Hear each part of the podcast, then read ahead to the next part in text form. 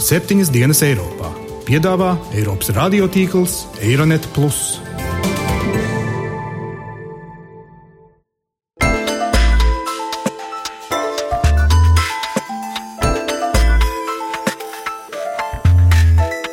Šonadēļ septiņas dienas Eiropā dzirdēsim. Mēs streikojam no pirmdienas līdz piekdienai. Grieķijas problēma nav tikai Grieķijas problēma.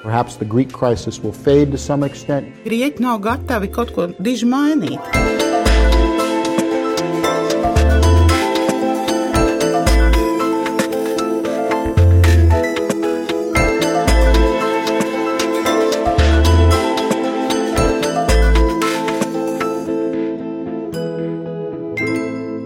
Labdien, godējamie klausītāji! Latvijas radio studijā Kārlis Streips. Sveicināti septiņas dienas Eiropā. Raidījumā, kur spriežam, kā nedēļas notikumi Eiropā un pasaulē var ietekmēt mūs tepat Latvijā. Visiem par milzu pārsteigumu Grieķijas tautsaimniecība pieaugusi par 0,8% gada otrajā ceturksnī. Šīs pārsteidzošais pieaugums noticis par spīti visām iepriekšējām prognozēm, ka ekonomika strauji samazināsies. Skaitļi tika publiskoti īsi pirms Grieķijas parlaments gatavojās balsot par kārtējo vienošanos par nepieciešamo reformu programmas ieviešanu, lai valsts tiktu klāt līdzekļiem no jaunās ekonomikas glābšanas paketes. Pat ja valdošajā Sirīza partijā draudz šķelšanās, Grieķijas valdība aizstāv šīs pretrunīgi vērtētās reformas, ko pieprasa kreditori, uzstājot, ka tās esot smagas, bet nepieciešamas, lai valsts varētu izvairīties no galīga finanšu kraha. Tālāk šodien raidījumā uzzināsim, kā par plānotām reformām un valdības solījumiem kreditoriem izsakās grieķu ģimenes, uzņēmēji un pensionāri, un jautāsim, vai tas ietekmēs grieķu galveno nodarbinātības jomu, proti turismu. Taču vispirms uzklausīsim dažus viedokļus par pērnu virs Ukrainas notriektās Malaizijas pasažieru lidmašīnas izmeklēšanas gaitu.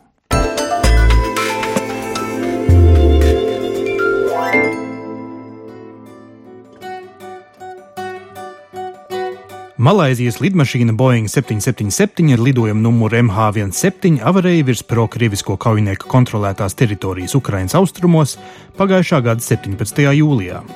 Gāja bojā visi aviolainerī esošie 298 cilvēki. Vairums no viņiem bija holandieši. Tādēļ Nīderlanda ir uzņēmusies galveno lomu avārijas apstākļu izmeklēšanā. Savā jaunākajā paziņojumā Nīderlanda ir atklājusi, ka lidmašīnas atlūzās atrastas Krievijā ražotas buk raķetes fragmenti stāsta vecākais izmeklētājs Freds Vesterbeke. Uh, Mēs atradām septiņus fragmentus, kas nav lidmašīnas daļas. Tālākā izmeklēšana atklāja, ka tie visdrīzāk nāk no buļbuļsāķu sistēmas. Jaunākais paziņojums ilgstošo izmeklēšanu ved ar vien tuvāk versijai, kas jau izskanēja uzreiz pēc avārijas. Proti, ka lidmašīna notriec pretgaisa aizsardzības kompleksa raidīta raķete. Tiesa ziņojums nerāda ar pirkstiem ne uz ukraiņu karavīriem, ne arī uz prokrieviskajiem kaujiniekiem. Ne tas arī uzveļ vainu par lidmašīnas avāriju uz Krievijas pleciem. Vesterbeka turpina. Sure moment, so that, in... Mēs šobrīd neesam simtprocentīgi pārliecināti, tādēļ joprojām esam nedaudz piesardzīgi savos secinājumos. Taču ieroču eksperti, kuri šīs detaļas ir apskatījuši, skaidro, ka tās tik tiešām izskatās kā no bukraķetes. Tālākā izmeklēšana to noskaidros pilnībā.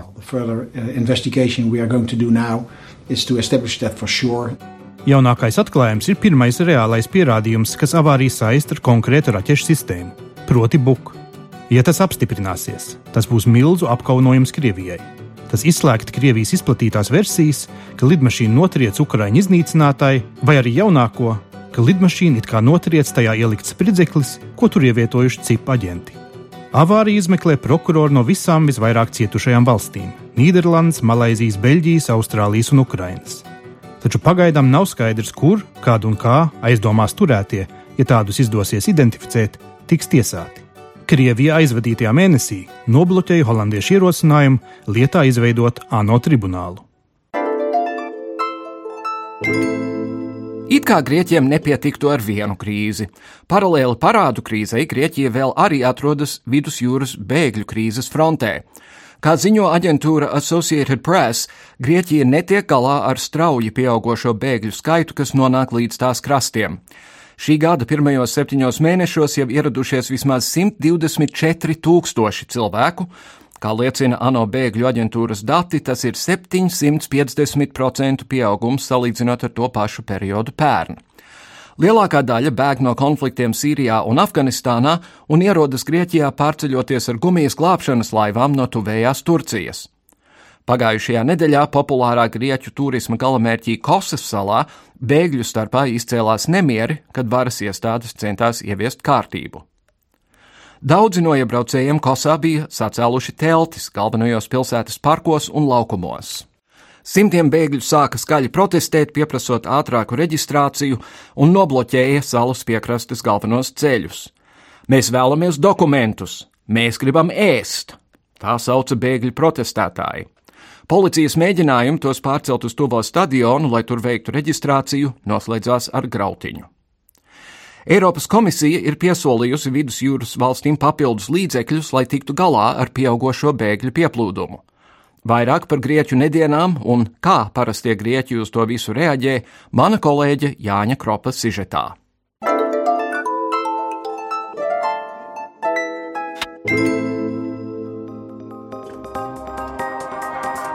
Ir pagājis vairāk nekā mēnesis, kopš Grieķijas pilsoņi devās pie vēlēšanu urnām, lai paustu savu attieksmi pret starptautisko aizdevēju prasībām. Vairākums pateica nē un cerēja, ka ambiciozais Grieķijas valdības vadītājs Aleksis Cipras spēs izmantot spēcīgo grieķu tautas mandātu, lai salauztu aizdevēju pretestību Grieķijas idejām, kā tad atrisināt tās parādu krīzi.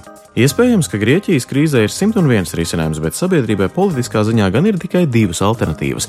Pirmā ļauj sist uz pleca jaunajam valdības vadītājam un teikt, ka viņam tiešām rūp Grieķijas liktenis, otra - lamāt radikālo Sirīzu visbriesmīgākajos vārdos un atzīt, ka populisti nekā nav darījuši, tikai sarežģījuši situāciju. Grieķijas kā valsts galvenais tautsājumniecības pamatakmens ir turisms. Krētā netālu no tās lielākās pilsētas Heraklijas Janim Alefantinom pieder viesnīca. Saimnieks ir pusmūža grieķis, kuram par pensiju vēl domāt agri, bet kā pats atzīst, galvenais ieguldījums bija bērni. Meitas tāpat darbojas viesnīcas biznesā un palīdz gādāt par viesnīcas darbu. Vaicāts, vai viņš izjūta ceļotāju kritumu krīzes dēļ, Jānis Elefantīnos smejoties atzīst tieši pretējo. Viņa viesnīca ir tik noslogota kā vēl nekad.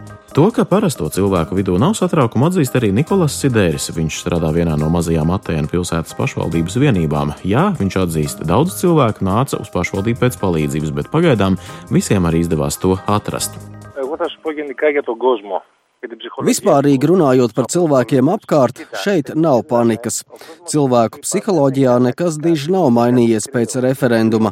Šobrīd mēs gaidām, kas tad īsti notiks tālāk, kādi būs tie jaunie risinājumi un ko tie nozīmēs mums un mūsu ģimenei. Nav iemesla no kaut kā baidīties, jo mēs jau esam pieraduši pie krīzes. Ikdienas ritms ir tāds kā vienmēr. Lietas apkārt notiek ieraftā režīmā. Vienkārši gaidām, kas notiks. Jā, sākumā mēs baidījāmies, bija panika, ir grūti pazaudēt to, pie kā esi pieradis. Tagad, kad daļu ērtību esam zaudējuši, mūs tas vairs nesatrauc. Un arī panika nekad jau nebija tā, ka cilvēki būtu gājuši, situši bankām logus, lauzuši bankomātus vai sirojuši pa veikaliem. Atsevišķos Atēnu rajonos radikāļi to dara neatkarīgi no krīzes. Pie mums krīze izjuta kā garākas rindas pie bankomātiem, bet uzreiz pateikšu arī kādas pozitīvas pārmaiņas. Tagad Grieķi vairāk ir pieraduši izmantot maksājumu kartes un interneta banku. Kādreiz gājām uz veikaliem ar skaidro naudu, jo tā bijām pieraduši. Tagad nav jābaidās, ka kāds laupītājs varētu uzbrukt, jo skaidrās naudas mums nav. Maksājam ar kartēm, un tas ir lieliski. Beidzot esam mainījuši savus paradumus un kļuvuši modernāki, un tas mums vairs nesagādā problēmas. Vaicāts, vai tauta vēl joprojām balsotu par pašreizējo premjerministru, Nikos Sidēris uzskata, ka jā, jo tauta viņam tic. To, ka Cipras būtu nodevējis, Nikos Sidēris gan noraida. Tauta viņam vēl joprojām tic.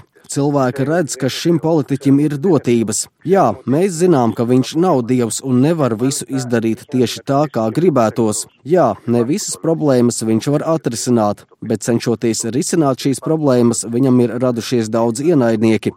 Bet, ja tagad atkal būtu vēlēšanas, es ticu, ka tauta atkal balsotu par Aleksi Cipru. Par radikālo partiju Sirīza Halkīdā balsoja uzņēmējs Jānis Ļunakis. Viņš gan atzīst, otrais par Cipru vairs nebalsotu. Viņa balss pēdējās vēlēšanās par partiju Sirīza tika dota tikai tāpēc, ka vajadzēja viņiem iedot iespēju sevi pierādīt. Jānis Ļunākis uzskata, tagad Cipra vadītā politika ir pierādījusi savu izgāšanos.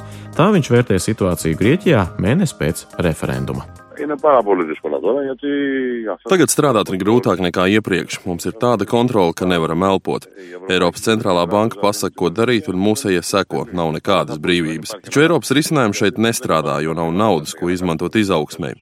Uzņēmējs no bankas nevar dabūt ārā nekādu naudu, nevar iegūt īstermiņa aizdevumu apgrozāmajiem līdzekļiem vai maziem ieguldījumiem. Ja ir kredīts, tad to atmaksāt tagad arī ir grūti. Ja uzņēmuma parāda saistības pārsniedz 100 tūkstošus eiro, tad diezgan droši varam teikt, šis uzņēmums saistības nenokārtos.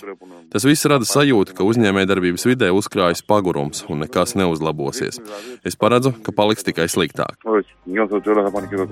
Jānis Ļunakis arī uzskata, ka sliktāk paliks visai Grieķijas ekonomikai. Viņš nesen ir ievēlēts par sava reģiona tirdzniecības kameras vadītāju un jūt, ka kopējā aina valstī pasliktinās nesot pamata domāt, ka Grieķija varētu izglābt piemēram turismus.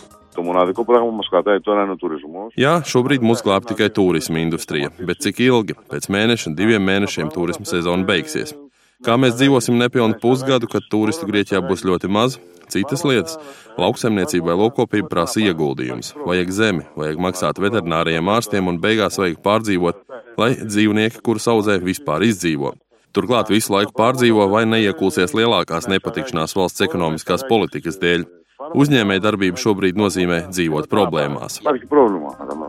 Jānis Ļunakis nenožēlo, ka pēdējās parlamenta vēlēšanās balsoja par radikālo piedāvājumu no Sīrijas partijas. Viņa prātā Aleksis Cipras nokavēja pareizo laiku, kad šantāžu mazināt un paņemt labāko piedāvājumu no sarunu galda Eiropā.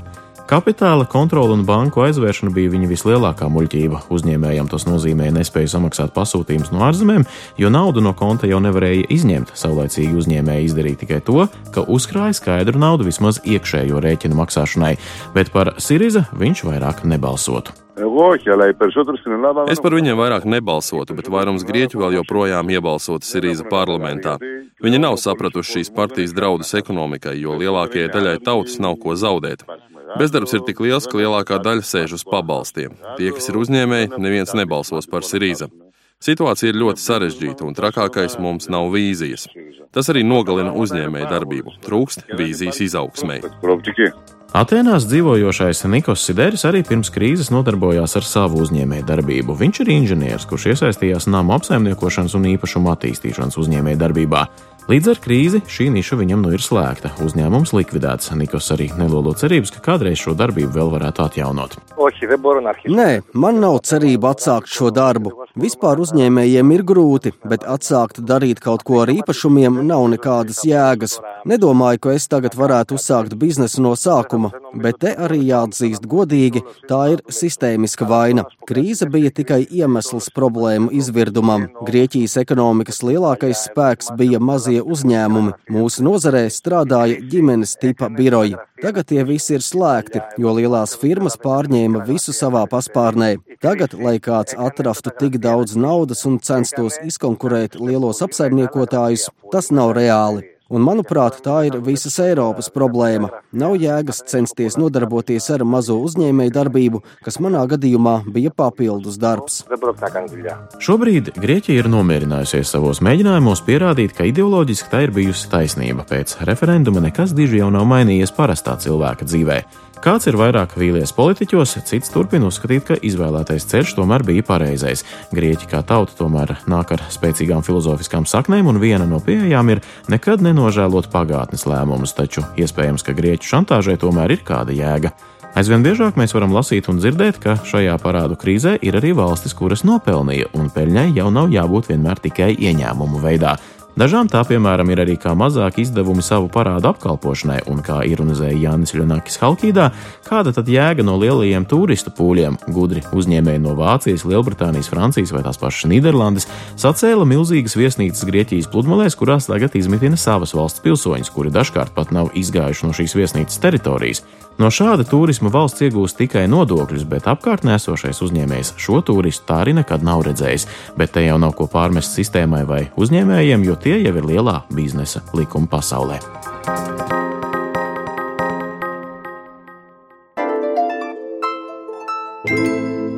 Kā zināms, Grieķijai turisms nodrošina 17% no IKP, un it īpaši Grieķijas salās turisms ir galvenais nodarbinātības veids un ienākumu avots. Pagājušajā mēnesī izskanēja aplēses, ka šogad ikdienu Grieķiju apmeklē 50 tūkstoši mazāk turistu nekā pērn. Lai kopīgi paskatītos uz kopsakarībām un spriestu, kā šī brīža parādu krīze un solītās reformas ietekmēs Grieķijas turisma industriju, kā arī nodarbinātību valstī, uz sarunu studijā esam aicinājuši ekonomisti Raitu Kārnīti, labdien! Labdien! Un turisma aģentūras Impro turistu grupu vadītāju Andu Bīksnu. Labdien! Labdien. Kārnīt kundze, saprotot, ka jūs nesat turisma eksperts, kā jūs kopumā skatāties uz to, kas notiek ar Grieķiju un Eiropu, ka tiek piedāvātas programmas, Grieķija kā buntojas un tā tālāk? Jā, nu tas ir ļoti sarežģīts, es domāju, process, jo, nu, buntojas tā ir viena puse, bet jautājums ir, kāpēc viņi buntojas un kāpēc viņiem vispār ir iemesls buntoties un kāpēc ir izveidojusies tāda situācija, kāda ir izveidojusies Eiropā un galvenais, pats galvenais, kas notiks tālāk. Un šķiet, ka, nu, Protams, vispirms ir jāsaprot, ka Grieķijas problēma nav tikai Grieķijas problēma. Grieķijas problēma tā ir visas Eiropas Savienības vai, nu, pat ne tikai Eirozonas, bet visas Eiropas Savienības problēma, kas ir uh, šajā ceļa posmā veidojoties, es gribētu teikt, jaunai valstī, jo es domāju, ka šobrīd jau neviens vairs nešaubās par to, ka veidojās Eiropas vienalga kā viņu nosauksim, kopiena, kurai būs valstiskas formācijas iezīmes, un pēc būtības tas jau ir pateikts tajā brīdī, kad Eiropas valstis ir vienojušās par kopīgu valūtu, jo kopīgu valūtu bez kopīgas politiskās virsbūves būs grūti noturēt. Nu, jā. Lūk, šeit arī ir tā Grieķijas sāpīgā problēma, kas skar arī turismu un nedaudz arī varbūt apšaubāma mākslīgi radīta problēma, jo eh, no vienas puses ir ļoti pareizi nevar dzīvot uz parādu, un Grieķijai ir jāpiekāpjas, ja viņi grib palikt uh, Eiropas kopienā pirmkārt jau un Eirozonā otrkārt. Bet otrs jautājums ir arī tomēr, kādas ir prasības, cik tās ir taisnīgas, un vai tomēr tām prasībām nav kāds apakšnolūks, kāds papildus nolūks.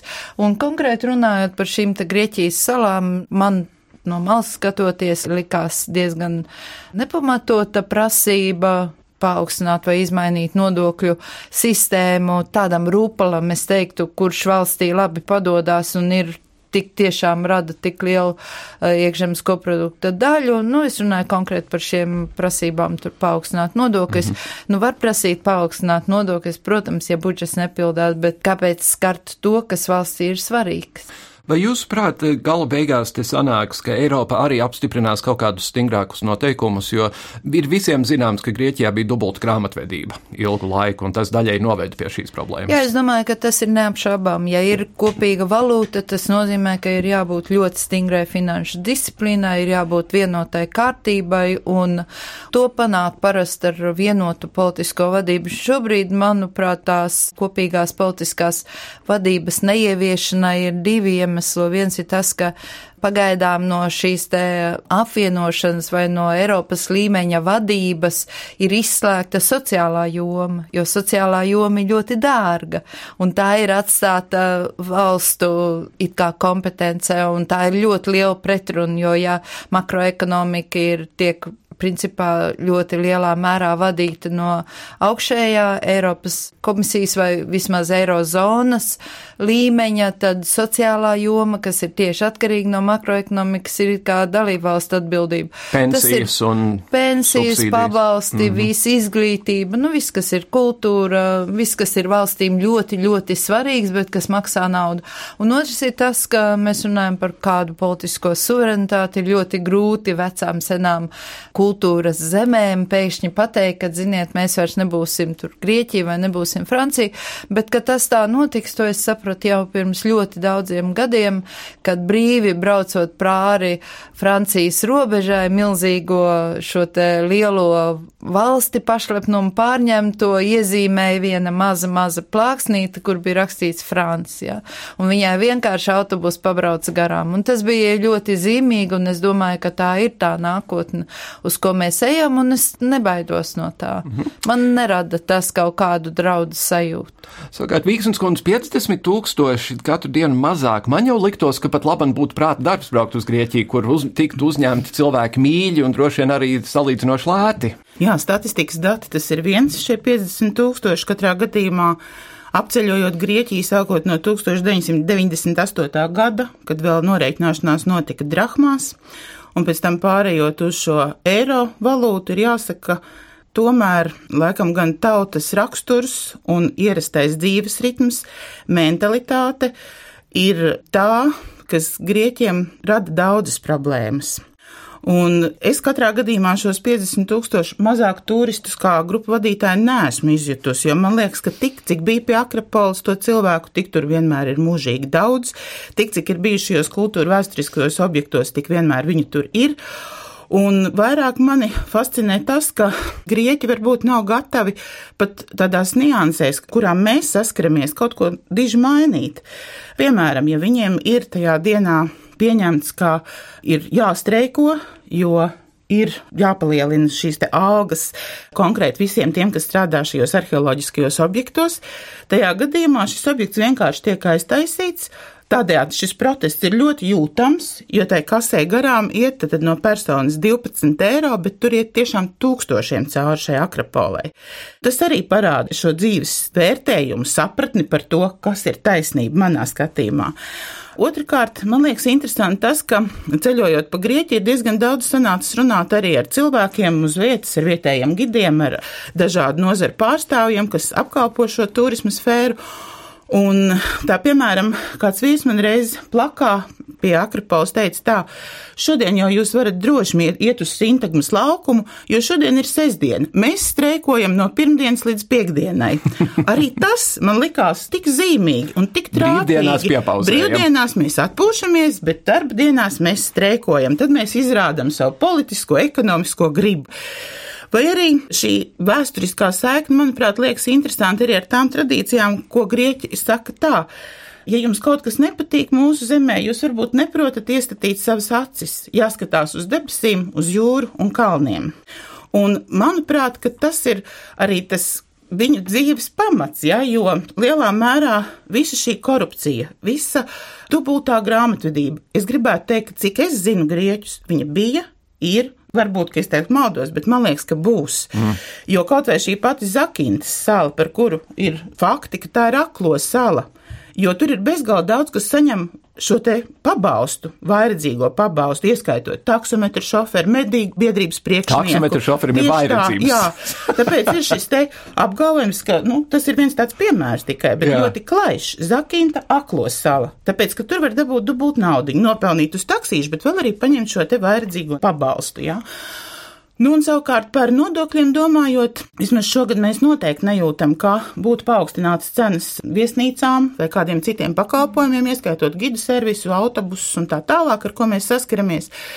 Bet mūsu sadarbības partneri teica, ka viņi skatās uz nākamo gadu ar bažām, jo viņi domā, ka varētu būt 6 līdz 12% pieaugums šim nodoklim, kas, protams, ka sadārdzinātu to sfēru, no kuras ir visvieglāk paņemt. Vai ir arī bijuši kaut kādi brīdinājumi par drošību, jo tā skaitā ir ziņots, ka Kosas salā, piemēram, izcēlās nemieri bēgļu starpā?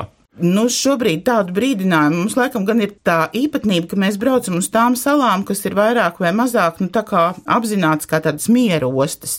Un Kosas salā mūsu turisti nav bijuši, mums gan šogad ir jauns maršruts, kur arī vairāk šie salu, Jaunijas salu arhipelāgs ir apzināts, bet brīdinājums no partneriem vai no kaut kādiem saviem draugiem, paziņām, pas, kas jau ir gadu gaitā radušies Grieķijā, neesam saņēmuši. Karnīts kundze, runājot par, par šo nodokļu paaugstināšanu jomā, kas Grieķijā ir ļoti, ļoti būtiska. Droši vien zināmas paralēlas var vilkt ar pašreizējām diskusijām par to, vai Latvijas kultūras iestādēm ļaut saglabāt savu pēļņu, kas arī, jo latviešu kultūra taisa ļoti labi. Jā, šeit uh, var varbūt uh, padomāt dziļāk tomēr par to, kāpēc Grieķi saka, ka viņi streiko darbdienās un kāpēc viņi saka, ka viņi streiko, tad viņiem ir vienalga, vai latviešu turisti zaudē savu naudu vai nezaudē. Un tāpēc, ka šķiet, ka tās tomēr ir tradīcijas, jo mēs zinām, ka arī Francijā ir uh, šādas izpausmes. Un pats galvenais ir tas, ka Grieķijas rīcība vai uh, šī viņu tās izpausmes, gan tie plašie streiki, cilvēki ir tomēr likuši padomāt Eiropas funkcionāriem. Tās ir izpausmes, kuras tomēr un tomēr ņem vērā. Un ja mēs gribam dzīvot demokrātiskā sabiedrībā, kur mums ir tiesības izteikt savas domas, kur mums nerodās idejas pusnaktī vai pāris stundas pēc tam svarīgas idejas, ja, kur viss notiek normālā, civilizētā veidā, jo tas, ka mēs neejam ielās vai ka mums nav varbūt tik ļoti redzama korupcija, jau nenozīmē, ka mums viņa nav nemaz, ka mums netiek ignorētas iedzīvotāju intereses. Nu tā tas diemžēl nav. Mums ir tā laime, ka iedzīvotāji vai sabiedrība ir klusējoši, ja? bet uh, neprotestējoša, bet uh, tādā izkoptā demokrātijā un laikam gan, ka grieķiem izpratni par par demokrātiju nevarētu varbūt uh, pārmest, ka viņiem tāda nav. Tur šī pretreakcija ir, nu vienalga, kāda viņi ir, nu slinka, neslinka, nu nezinu, cik mēs būtu čakli tādā karstumā, kāds ir tur. Šeit ir uh, ļoti daudz dažādu apstākļu. Bet atbildot uz jūsu jautājumu par ko? Par kultūras iestādēm un par kultūras budžetu. iestādēm un viņu budžetu, nu, jā, nu, tas jau bija viss sagaidāms, jo skaidrs, ka Tā arī ir viena tāda pazīme, kas Latvijai ļoti raksturīga, tā nepatiesās informācijas sniegšana, jo, nu, laikam jau, ka visiem speciālistiem bija skaidrs, ka jūlijā sāks parādīties problēmas ar budžetu, jo tad vairs nebūs iebraucēji, nebūs tie, kas pusdieno, tie, kas apmeklē viesnīcas, pārnakšņo un tā tālāk. Prezidentūrai beidzoties. Jā, beidzoties mhm. prezidentūrai, jo nav pamata ekonomikā tā īstā, nu, kapacitāte un līdz ar to radīsies problēmas ar budžetu un tad jau parasti vienmēr tā ir ierasta prakse, ķerās pie tiem, kur mazāk var pretoties. Nu, šajā gadījumā es domāju, pilnīgi nepamatot, jo, mm -hmm. nu, mhm. Mums kultūra ir viena no tādām mūsu, es nezinu, pat pašām svarīgākajām lietām - kultūra un izglītība, kuru nu vajadzētu glabāt cik tik nu vien var. Mm -hmm. Un tas, ka tur ir iesaistījušies sponsori, redziet, tur jau ir tā nelaime, ka tāpēc jau arī uzņēmēji cenšas pēc iespējas neafišēt savus tur kaut kādus ieguldījumus, kaut kādos pasākumos, ko viņi, es domāju, ļoti labprāt darītu, ja būtu normāla sadarbība starp valdību un, un uzņēmējiem, mm -hmm. jo publiskā partnerība ir ir ļoti laba iespēja šādām, nu, netik attīstītām valstīm. Jā. Tie cilvēki, kuri ir kļuvuši bagāti, viņi taču apzinās to, ka ne jau tikai, eh, ka viņiem ir īpašas spējas, ja viņi prot ražot naudu, un viņi arī ir ar mieru, ar sabiedrību, ar šo savu izcilību šajā jomā, naudas pelnīšanas jomā, kas nemaz nav slikta, ar šo savu izcilību dalīties ar sabiedrību, ja kādā veidā palīdzēt arī citiem, jo tie citi savukārt palīdz viņiem pelnīt pelnīt šo naudu. Mm -hmm. Un ja to ātri, ātri apkaro un vēl piedāvām šādā prastā, pretīgā veidā, nu, tad neko labi nevar sagaidīt no Jā. līdzdalības, vismaz atklātā veidā. Vīksnes kundze, vai, vai turisma industrijā teorētiskajā līmenī ir doma par to, ja, ja valstī ir ekonomiska krīze, tad tur ir ieteicams braukt, nav ieteicams braukt, vai arī turisti būtībā tādas lietas neredz, jo viņi ganās pa viesnīcām. Es domāju, ka turisti lielā mērā varbūt to neredz, izņemot viens, kā mēs arī brīdinājām savus ceļotājus, lai tomēr ņem līdzi skaidru naudu, zinot, kādas bija problēmas ar norēķināšanos Grieķijā. Un es domāju, ka tā plūsma, turisma plūsma uz šo zemi nesamazināsies. Tam ir jābūt ļoti straujam šim cenas kāpumam, tātad ceļzīmes cenas kāpumam, lai cilvēki atteiktos braukt gan baudīt jūru, sauli, labu atpūtu, baudīt tiešām izcilus kultūra vēstures pieminekļus, Tā kā tam kāpumam būtu jābūt tiešām jūtamam, lai mēs atteiktos no tā, kas mums ir tik tīkams, un īpaši latviešiem, kuriem šogad saules gan pietiek, bet parasti tā kā mazliet par maz, es domāju, ka no Grieķijas neatteiksies turisti. Bet konkrēti Grieķijas gadījumā, vai jūs domājat, ka varētu pienākt tāds brīdis, kad jums tiešām nāktos atteikties, ja arī cenas kaut kā pieaugt, jo Akropola tomēr ir tikai viena, Atēnas ir tikai vienas? Nu, protams, ja mēs radām produktu, kur mēs skaidri apzināmies, ka mēs nevaram pārdot, tādā gadījumā droši vien ir jāatsakās no tā tirgošanas, bet pagaidām es tam tādas nopietnas eh, vēl indikācijas neredzu. Jo arī es jau teicu, ka šī mūsu saraksta ar sadarbības partneri liecināja, ka viņi mēģinās, nu, jebkurā gadījumā atkal droši vien tā ir viņu meistarība un viltība, kā viņi to prot un kurā brīdī, kurš likums ir mazliet apēms ar līkumu, bet skaidri redz, ka mūsu sadarbība turpināsies bez lieliem zaudējumiem, teiksim, arī mūsu Latvijas turistiem. Kurā vietā Grieķija ir Latvijas turismu mērķu sarakstā? Pirmajā desmitniekā noteikti, bet no pirmām piecinieka viņi, viņi nav šī zeme. Nav pirmajā pieciniekā, bet pirmajā desmitniekā noteikti, jo Francija, Spānija, Itālija ir tās, kas ir galgalī. Ja? Tad pirmās trīs turismu mērķi zemes. Francija, Spānija, Itālija. Jā.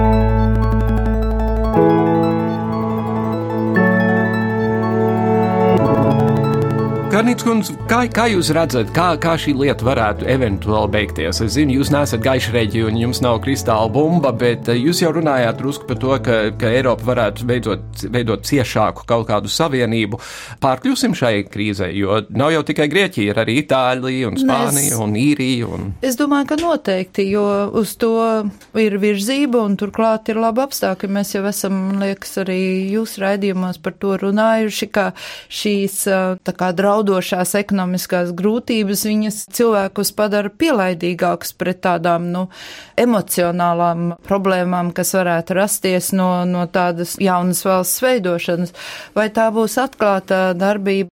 Pakāpeniski jau tas notiek, tā ir Banka Savienība, tā ir ekonomiskā vadība, kas ir Eiropas līmenī, budžetu kontroli pār budžetu izveidošanu, jo nekur Kopējā nevienā.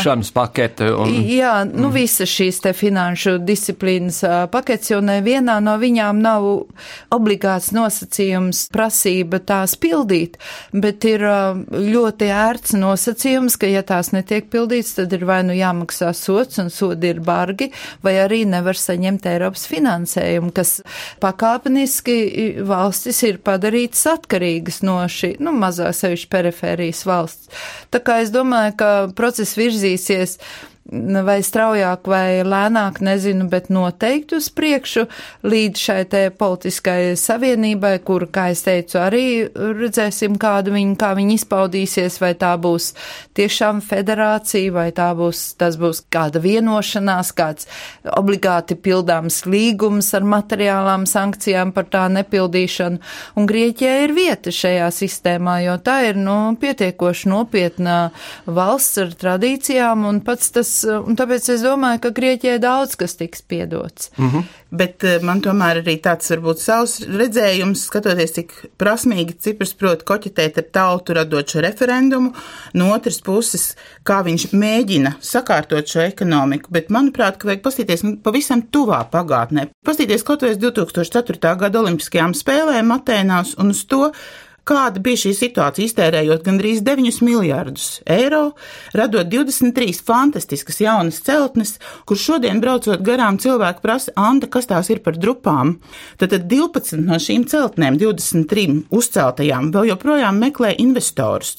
Un tā ir lūk šī domāšana vienam brīdim, vienam mirklim, ko es grieķos ļoti dzīvi saskatu. Viņi spēja baudīt, priecāties šobrīd un ar tādu filozofisku, kā jau filozofijas dzimtenē skatu, bet gan jau būs labi. Būs mm -hmm. labi, es pilnīgi piekrītu Kārnītas kundzei, būs labi, bet ar mūsu ļoti lielu atbalstu. Anda Vīksna un Raita Kārnīta, paldies jums abām par sarunu. Paldies!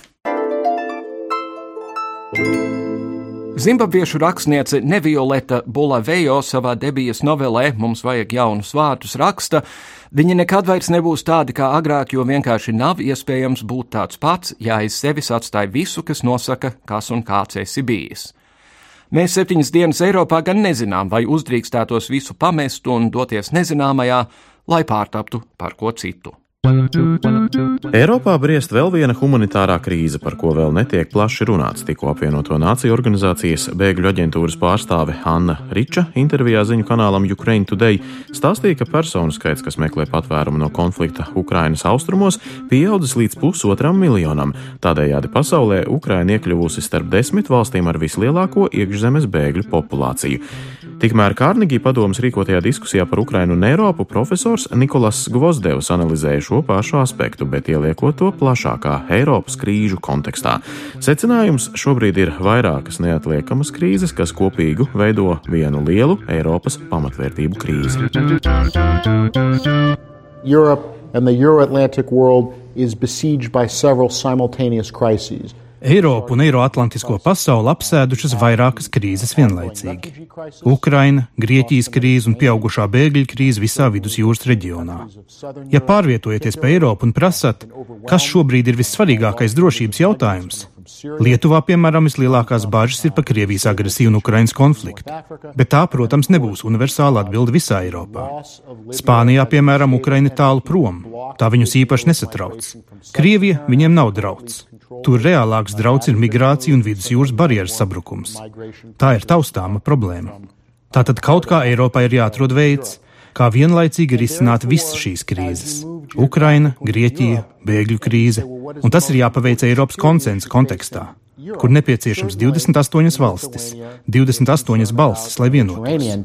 And you have to do so in the European context of a consensus format where you need 28 countries to agree. No šī tālāk izriet jautājums par solidaritāti.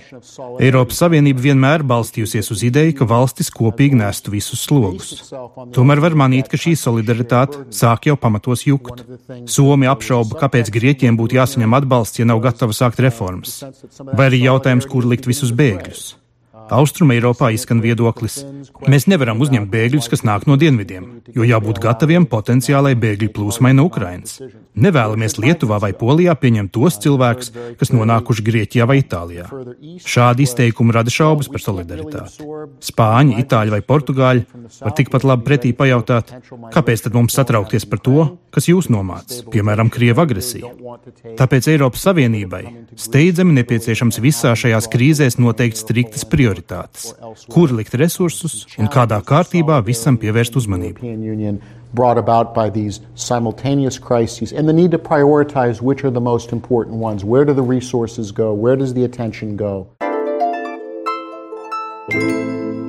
Paldies, dāmas un kungi, ka šonadēļ klausījāties. Cerēsim, ka Grieķijā būs labi, cerēsim, ka atklās, kurš nošāva eh, Malaisijas pasažieru lidmašīnu, un tiksimies atkal nākamnedēļ. Līdz nākamajai nedēļai Visu labu!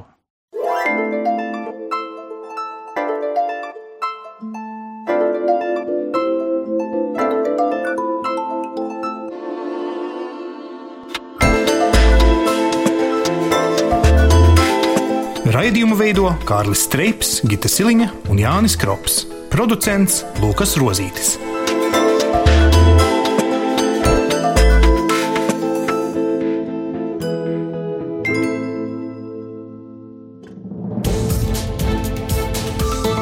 Visus Eironet plus sižetus un raidījumus meklējiet Latvijas radio mājaslapā.